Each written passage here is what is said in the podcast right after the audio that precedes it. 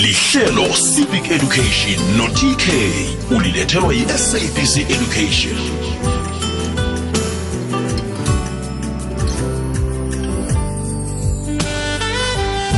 Ikwekwezi FM kukhanya ba sibuyile godu umlaleli kwekwezi FM size kuwe sithembisile sathi siza kuthulela ihlelo lezefundo godu namhlanje si esilibiza nge-civic education. Ngithokoze khulu kwamambala ukungihlangabeza.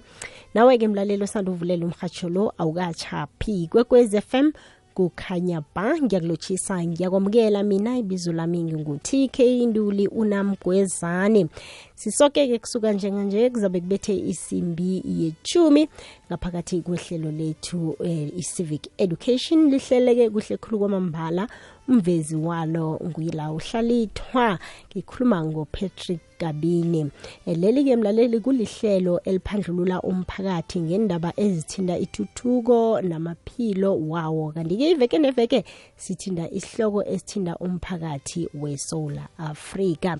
Mlaleli kokwezi fm ukuhlelela umhlala phasi eh eh kazi-ke abantu abanengi bayajikajika kodwana-ke eh nawuthoma-ke kusesenesikhathi ukuhlelela uzokuba nesikhathi eside ukubuthelela imali namakonyana wakho. Kanengi-ke eh ku kukuthula umthwalo eh ukwazi bona ke imali zakho zisezandleni ezinjani ne hlangothini ke lesithunzi. Kanti ke emlalelo kokwezi FM namhlanje sike sikhuluma ngegovernment employee pension fund EGEPF yazi-ke mlalele kokwezi FM bona-ke uzokufunda litho lukhulu nge-government employee pension fund. Sizokwamukela isithekeli sethu lapha ubaba ukfas silolo ovela khona kwa-gpf ahlathululele asinikele umkhanyo ngezinto eziqakathekileko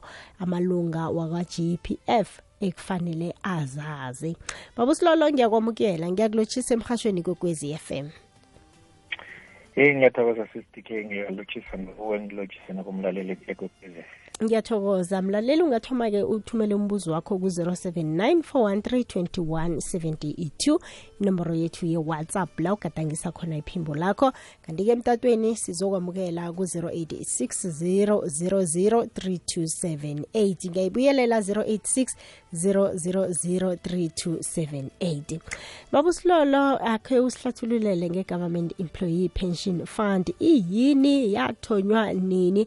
Ebegodi khuyini okwenza bona eh, i- i- ihlonywe ingabe yini imission ne-vision yayo i-gepf yebo sisitike uh ma ukhumbula kuhle sisitike ngekuthi i-south africa ithole ukuzimela eh ngomhla ka-1994 eh bese ngaleso sikhathi ngasesemva wena sisitike besinaloko besikubiza ngokuthi ama-former tbvc states. La mhlawumbe ngawakutsho ngathi i-transvaal bophutatswana ivenda nesiskay siphinde futhi sibe nama-homelands la afana njengokwandebele kangwane bolubuwa kanjalo kanjalo.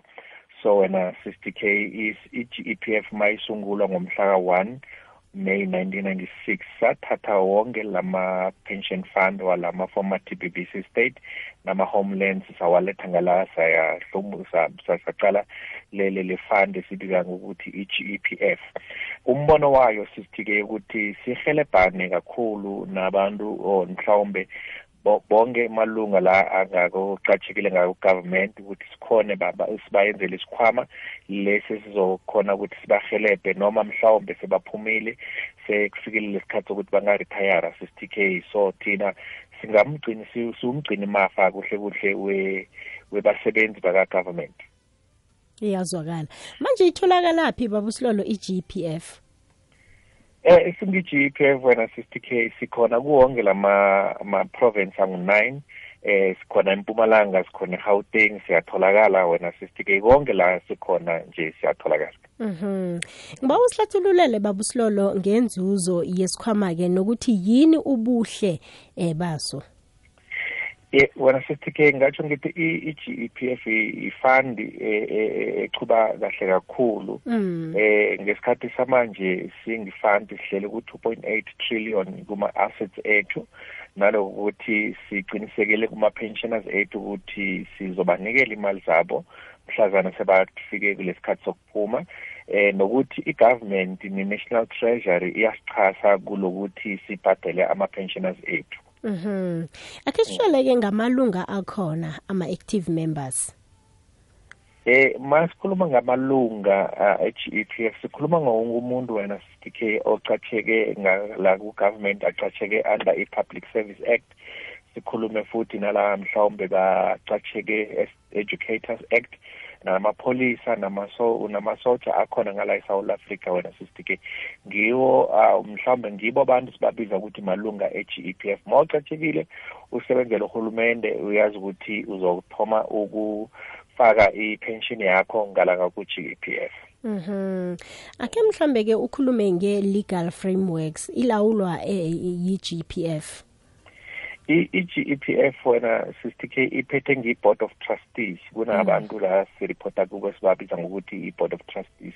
Ngibo labaqale ngala ku-GEPF ukuthi le fund ichuba kanjani and futhi le i-board of trustees mhlawumbe amalunga ayo ngatsho ngithi kunamalunga omphakathi eh kunamalunga la arepresent ama-pensioners ethu laba basebathatha umhlala phasi kunamalunga ama-union. La ngiwo abamele basebenze kakhulu bese wena sister K i-GEPF le board iphinde yenze mhlawumbe inikele i-parliament ukuthi i-fund lena ichuba kanjani. So ngibo labantu labaqale i-GEPF nokuthi i-GEPF ichuba kuhle na.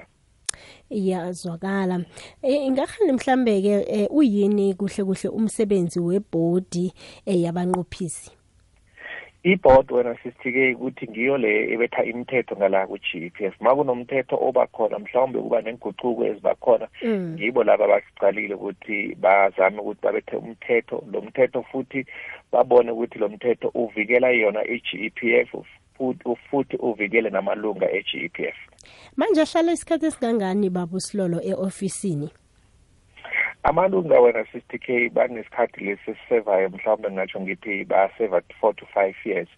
Eh masisiphelile lesikhathi leso wena sister K. Kuyavulwa ukuthi laba abafuna kuba amalungu bafaka amabizo abo ebese kuba nelikhetho lezoba khona ukuthi bathole amalunga amatsha. Mhm.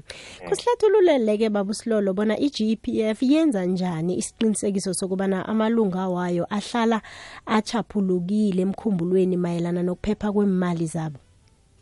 Yeah, wena sister K njengoba ngitshilo ngithi i-board yethu namalunga e-board wena sister K laba reporta khona ba reporta ku minister ye finance ne ne, ne parliament so ngiko lapho ukuthi wena sister K eh unyaka nonyaka kuba nalento esibiza ngokuthi i-financial year yakahulumende la mhlawumbe kuthula khona unyaka wezimali ukuthi sichube kanjani kulonyaka lo so enyakeni nonyaka wena sister K bayabuyela bayonikela i-report ku-minister of finance. Mhm.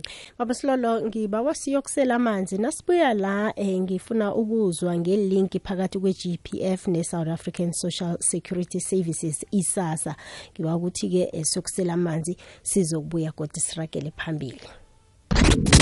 Mudimulle 90.6 FM ukuya eDalstrom 107.7 FM kukhanyisa ikwekwezi FM hashtag #umkhanyo ukhona.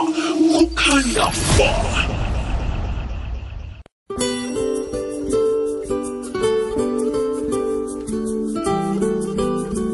lihlelo civic education no-tk ulilethelwa yi-sabc education.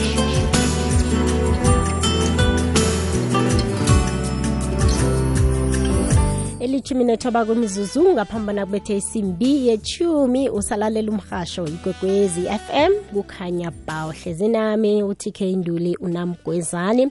Mlalelisi wethulela ihlelo lethu i-civic education nolethelwa zilifisela buhle ze-government employee pension fund.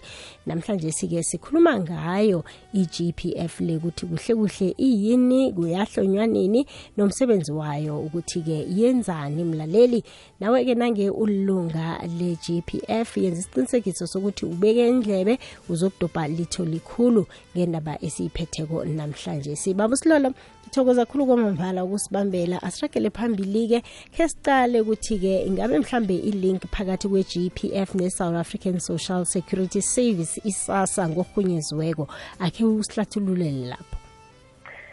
Eh, wena sister K ngatsho ngithi i-GEPF nesasa um kuhle kuhle yo isasa isijamele ngathi singi-GEPF sisijamele. Eh kepha ke kwenzeka ukuthi umuntu lo ilunga laka GEPF mhlawumbe ahola ipension yakhe. Ebese achinge ngalapha kwasasa ukuthi naye ufuna ukuyohola le mali le khona ngalo kwasasa lokhu kwenzakala ngokuthi mhlawumbe kule system yethu le siberegisayo eh kuba nale ukuthi umuntu makacatsheka abe nale siyibiza ngokuthi i-pesal number lebamnikela yona ngala makacatshekile so isasa iyakhona ukubona ukuthi umuntu mhlawumbe athi ufuna ukuyoclaima noma afuna ukuyo-aplayela i-pensionara leya labasebakhulile ngala kwasasa iveze information ukuthi eh, lo muntu uyahola ngala ka-GEPF so lokhu kuzokwenzakala wona sisitike ukuthi bazombawa ukuthi achinge nalaya ma-ofisini ka-GEPF athole i-proof of income. Kulo khona bazokhona kubuka ukuthi le mali ayihola ngala ka-GEPF iyakhona kumhelebha nesendlini ukuthi akhone ukuphila kuphile nomndeni wakhe. If mhlawumbe le mali ayihola ngala ka-GEPF yani bakhona ukuthi mhlawumbe bam nikele nale mhlambe ekhona ngala kwasasa but enye nenye i-EPF isijamele nayo isasa isijamele la Mhm. Ake usihlathulule-ke ngemihlobo yepensheni etholakala kwa-GPF ama special pensions. Yeah wena sisitike singithi EPF si sinikela ama pensioners ethu mhlawumbe ngisho ngithi lo umuntu makabereka ah siya siyakhona ukuthi umuntu abe nendlela le athi mhlawumbe ufuna ukuphuma ngayo umuntu athi mina ngifuna ukubeka phansi. Ngelindlela yokuresigna siyamnikela i-resignation benefit bese kuba nalokuthi eh ulona futhi ufuna kuthatha umhlala phansi le sibiza ngokuthi i-retirement. Nokhona kunayo i-benefit le sibiza ngokuthi it's a retirement benefit.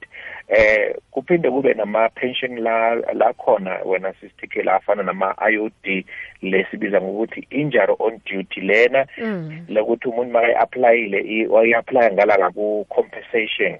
Commissioner bese thina singi-GEPF sibe ngibo lababhadala nemali. Bese kuba nale wena sisitike esibiza ngokuthi ma-special pension ma-special pension ngilo labo ukuthi ngalesikhathi lesamuva ngibo laba balwela indaba yokuthi i-South Africa ekhona ukuzijamela wonke umuntu akhona ukuphila ngokulingana. Ngibo laba babotshwa baye ema-exile bese babuya baqualifyisa kule nto esibiza ngokuthi i-special pension. So ngiwo lama-pension la siwakhambisayo singu-GPF Mhm. Kuyini ke ubudlelwano phakathi kwe-GPF ne-Government Pension Administration Agency, i-GPAA, kanye ne-Public Investment Corporation, i-PIC babuslolo? Alright. Yeah. I-GEPF ngafutshane nje ngasho ngithi ngiyo ifund leqale imali eh lesingenayo kuma contribution kumuntu makaberekile for the government bese siba nalo sikubiza ngokuthi i-administrator. I-administrator ngiyo i-GPAA i-GPAA ngibo laba buka ukuthi i-administration noma inkambiso yale yale yale ye-data noma i-information esinayo yamalunga e-GEPF ihlele kuhle noma ukuthi mabafuna kuphuma ngibo laba bakhamba bathole ama-document bawaprocesse bese bayabhadala. Umbereko we-GPAA but i-GEPF ibe yi-fund bese sibe ne-PIC i-Public Investment Corporation. Ngibo laba baqalene neyimali ezingenayo ezibuya kumalunga e-GEPF bathathe le imali wena sister bakhona ukuthi bazi-investe ukuthi namalunga ethu bakhona ukuhlomula ngokukhula kwe-fund mabathola lama-interest Mhm. Usahlathulula njalo ke babusilolo ngeGPAA nePIC. Mhlambe ngeziphi ezinye inhlangano ezicalene nokuletha iGPF ebantwini? eh wena sister K ihulumende yonkana nje i- iyasihelebha ne-national treasury ngibo labanye wena sister K basihelebhayo ngokweyimali ukuthi sibone ukuthi sithola ukuthi si khona ku ukukhambisa ifund yethu. Ebese i-GP i-GPAA kube ngiyona sister K le khona ukuthi malunga babafuna kuyobona nomhlambe baqale i-pension zabo ukuthi sikhamba njani ngiyo i-office lelivuliwe kumalunga ethu e-GEPF iyazwakala. Eh, manje-ke babusilolo ingabe abazuzi be-gpf bakhipha njani imali? Akhe mhlambe uyihlathulule lapho. Ya u- u- ilunga le-GEPF wona sister-ke into yokuqala ukuthi ah, uma ulunga le-GEPF mm. awukhoni mhlawumbe ukuthi ungatshingakalanga kuma-GEPF ukuthi hayi mina ngibawa ninginikele le mali ngoba ngisabereka ngibone ukuthi ngenzani Uzazibekela asikhoni ukunikela yona. imali Mm. usabereka nalokwesibili ukuthi awukhoni mhlawumbe ukuthi ungayenza i-loan kwi-pension yakho singu-GEPF Mm. uma ufuna kuthola le mali lesikhathi lesi wena sister K sowuphumbile ngalapha emberegweni mhlawumbe ungaphuma ngokuresigna noma ungakuretayara ngilesikhathi ungakhona ukuthi mhlawumbe uthole ukuclaima le mali yakho. Iyazwakala. Mlalele kokwezi FM ngiyayivula-ke imtato njenganje nangabe unambuzo wamukelekile bona usidosele inomboro ithi 0860003278 ngiyayibuyelela inomboro ithi 0860003278 ngikhambisana nobaba ukfas silolo ovela kwa-gepf sikhuluma ngayo-ke mlaleli i-gepf government employee pension fund isikhwama sabasebenzi bakahulumende yenza njalo-ke mlaleli nangabe unombuzo nalapha kuwhatsapp ungagadangisa iphimbo lakho ku-079 413 2172 eh uphosele wakho-ke umbuzo bese-ke ubaba usilolo uzakwazi ukuthi awuphendule nakanjani. Sirakela phambili-ke njalo baba usilolo. Eh ake mhlambe-ke u- usihlathululele bona umqhashi yena ubakhiphela njani abasebenzi esikhwameni-ke sepensheni u- umqathi mhlawumbe no- no- nolo oqathekile ngalapho eh, eh, eh, kwahulumende Mm. kuba nelento esibiza ngokuthi contribution ukuthi bafaka malini kulesikhwama saka-GEPF umuntu makabereka ucontributor i-7.5 percent yomholo wakhe.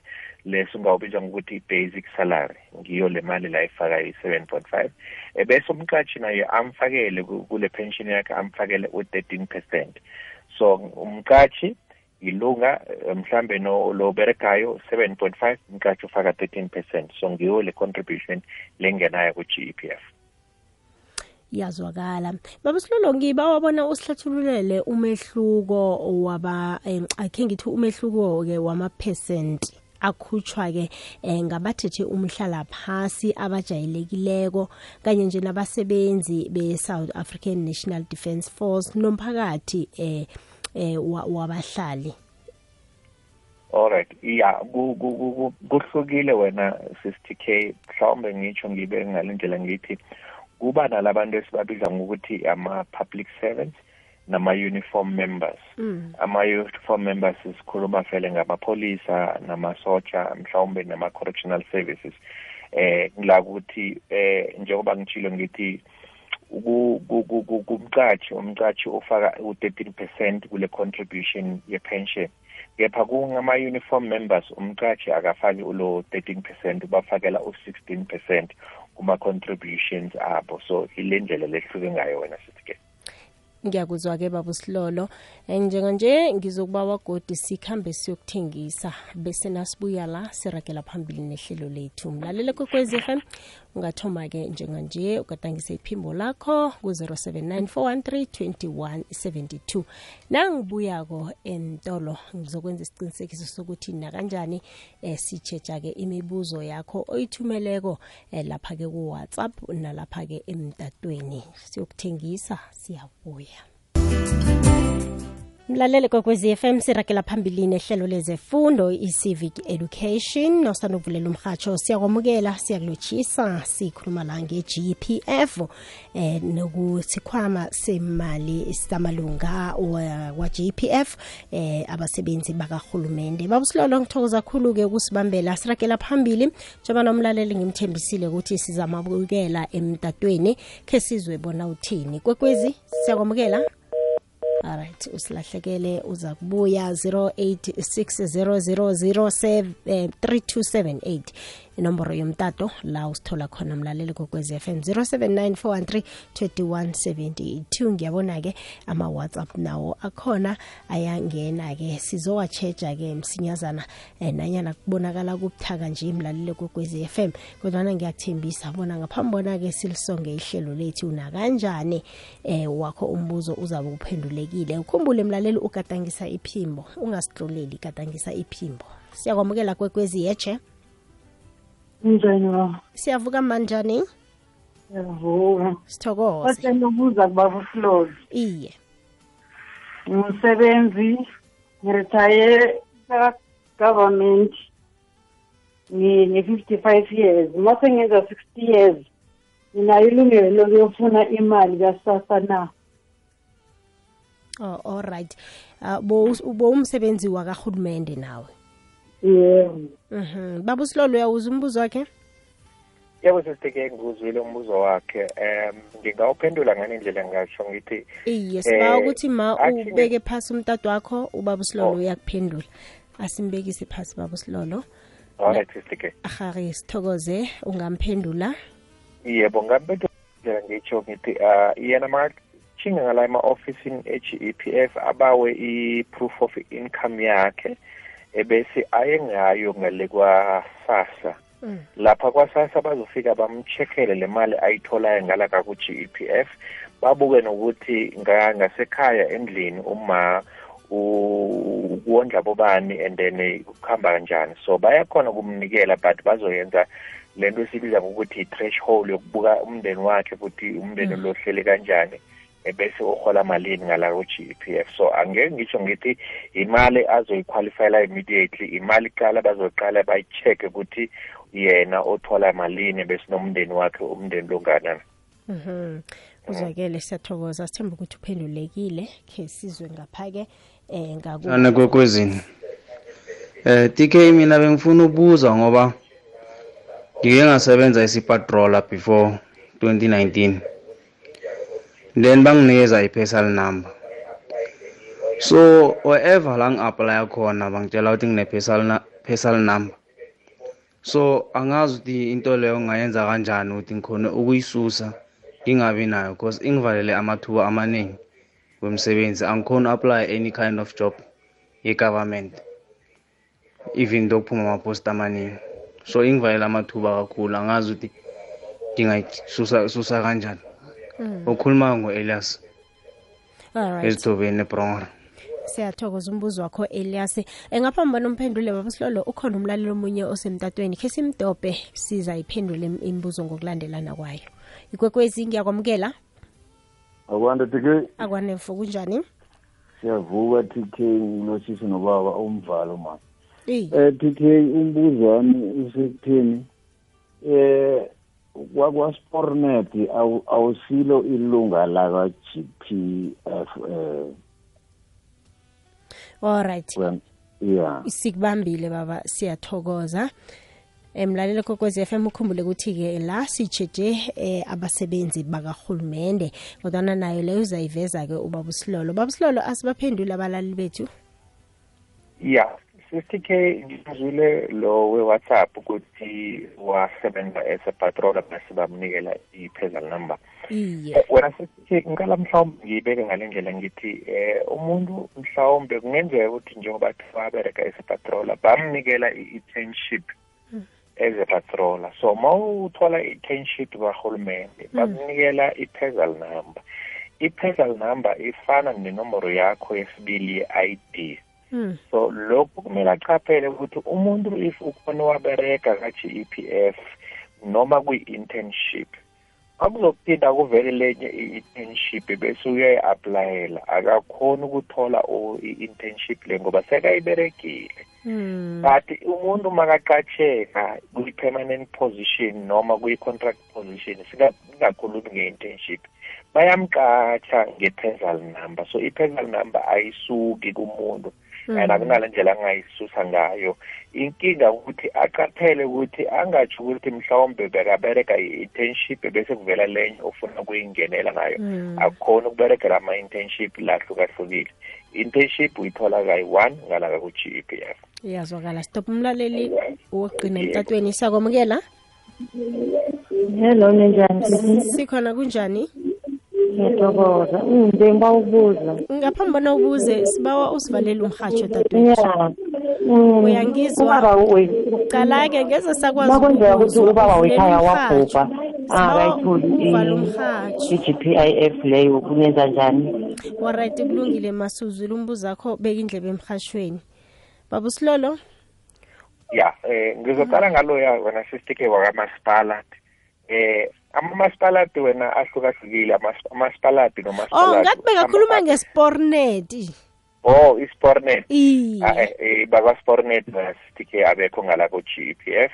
Iye eh vele kumele abuyele ngalo kumcashi and then umbuzo wesi wakafesi ukuthi ubaba bekabeka ka-g e p f wabhubha akatholanga le nto ekumele aqala ayiyenze kumele aye kumcashi wena sitike Mm. ukucheck-a ukuthi kwenzekalani ngubaba beka- bakatshona bese baba usilolo Mm. baba usilolo usekhona? Yebo sisike uyangizwa. Iye ngiyakuzwa. Asisale sesiyisonga bo usilahlekele. Ya bengitsho ngithi umama kumele achinge ngala kuyi-department noma umcashi lapho baba bayakhona khona kumjekela ukuthi makabhubha ubhubha sesemberegweni noma bekasaphumile bazokhona kumhelebha la bekasibereka ngakhona wesitike ahake siyathokoza. Baba usilolo asivale. Abantu nabafuna ukwazi kabanzi ngenzuzo ye-g p f kumele mhlambe baye kuphi? Yebo sisitike bangasivakatshela kuma-ofisi e-g e p f sinawo ama-ofisi epretoria ejobeke empumalanga siyatholakala. Noma basidosele umtato kwi-call center number yethu inamboro yakhona ethi 0800 117 669 ngiyibuyelela ithi 0800 117 669 noma basibhalele i-email i-email ethu ithi inquiries at gepf co gepf.co.za noma bangene kwiwebsayithi ethu ithi www gepf.co.za ngathola information le- le- lebayidingayo ngalapho kulama uh, sites la ngikhulume ngawena wena sisike ahake baba usilolo sithokoze khulu kwamambala. Ihlathululo yiyoke osiphe yona ube nobusuku obuhle. Thokoza ahake mlalele kokwezi FM khumbula iGPF inama regional client service center kizo zolithoba imfunda zeSolar Africa kanye nama satellite office alikhomba enzelwe intingo zakho mlaleli.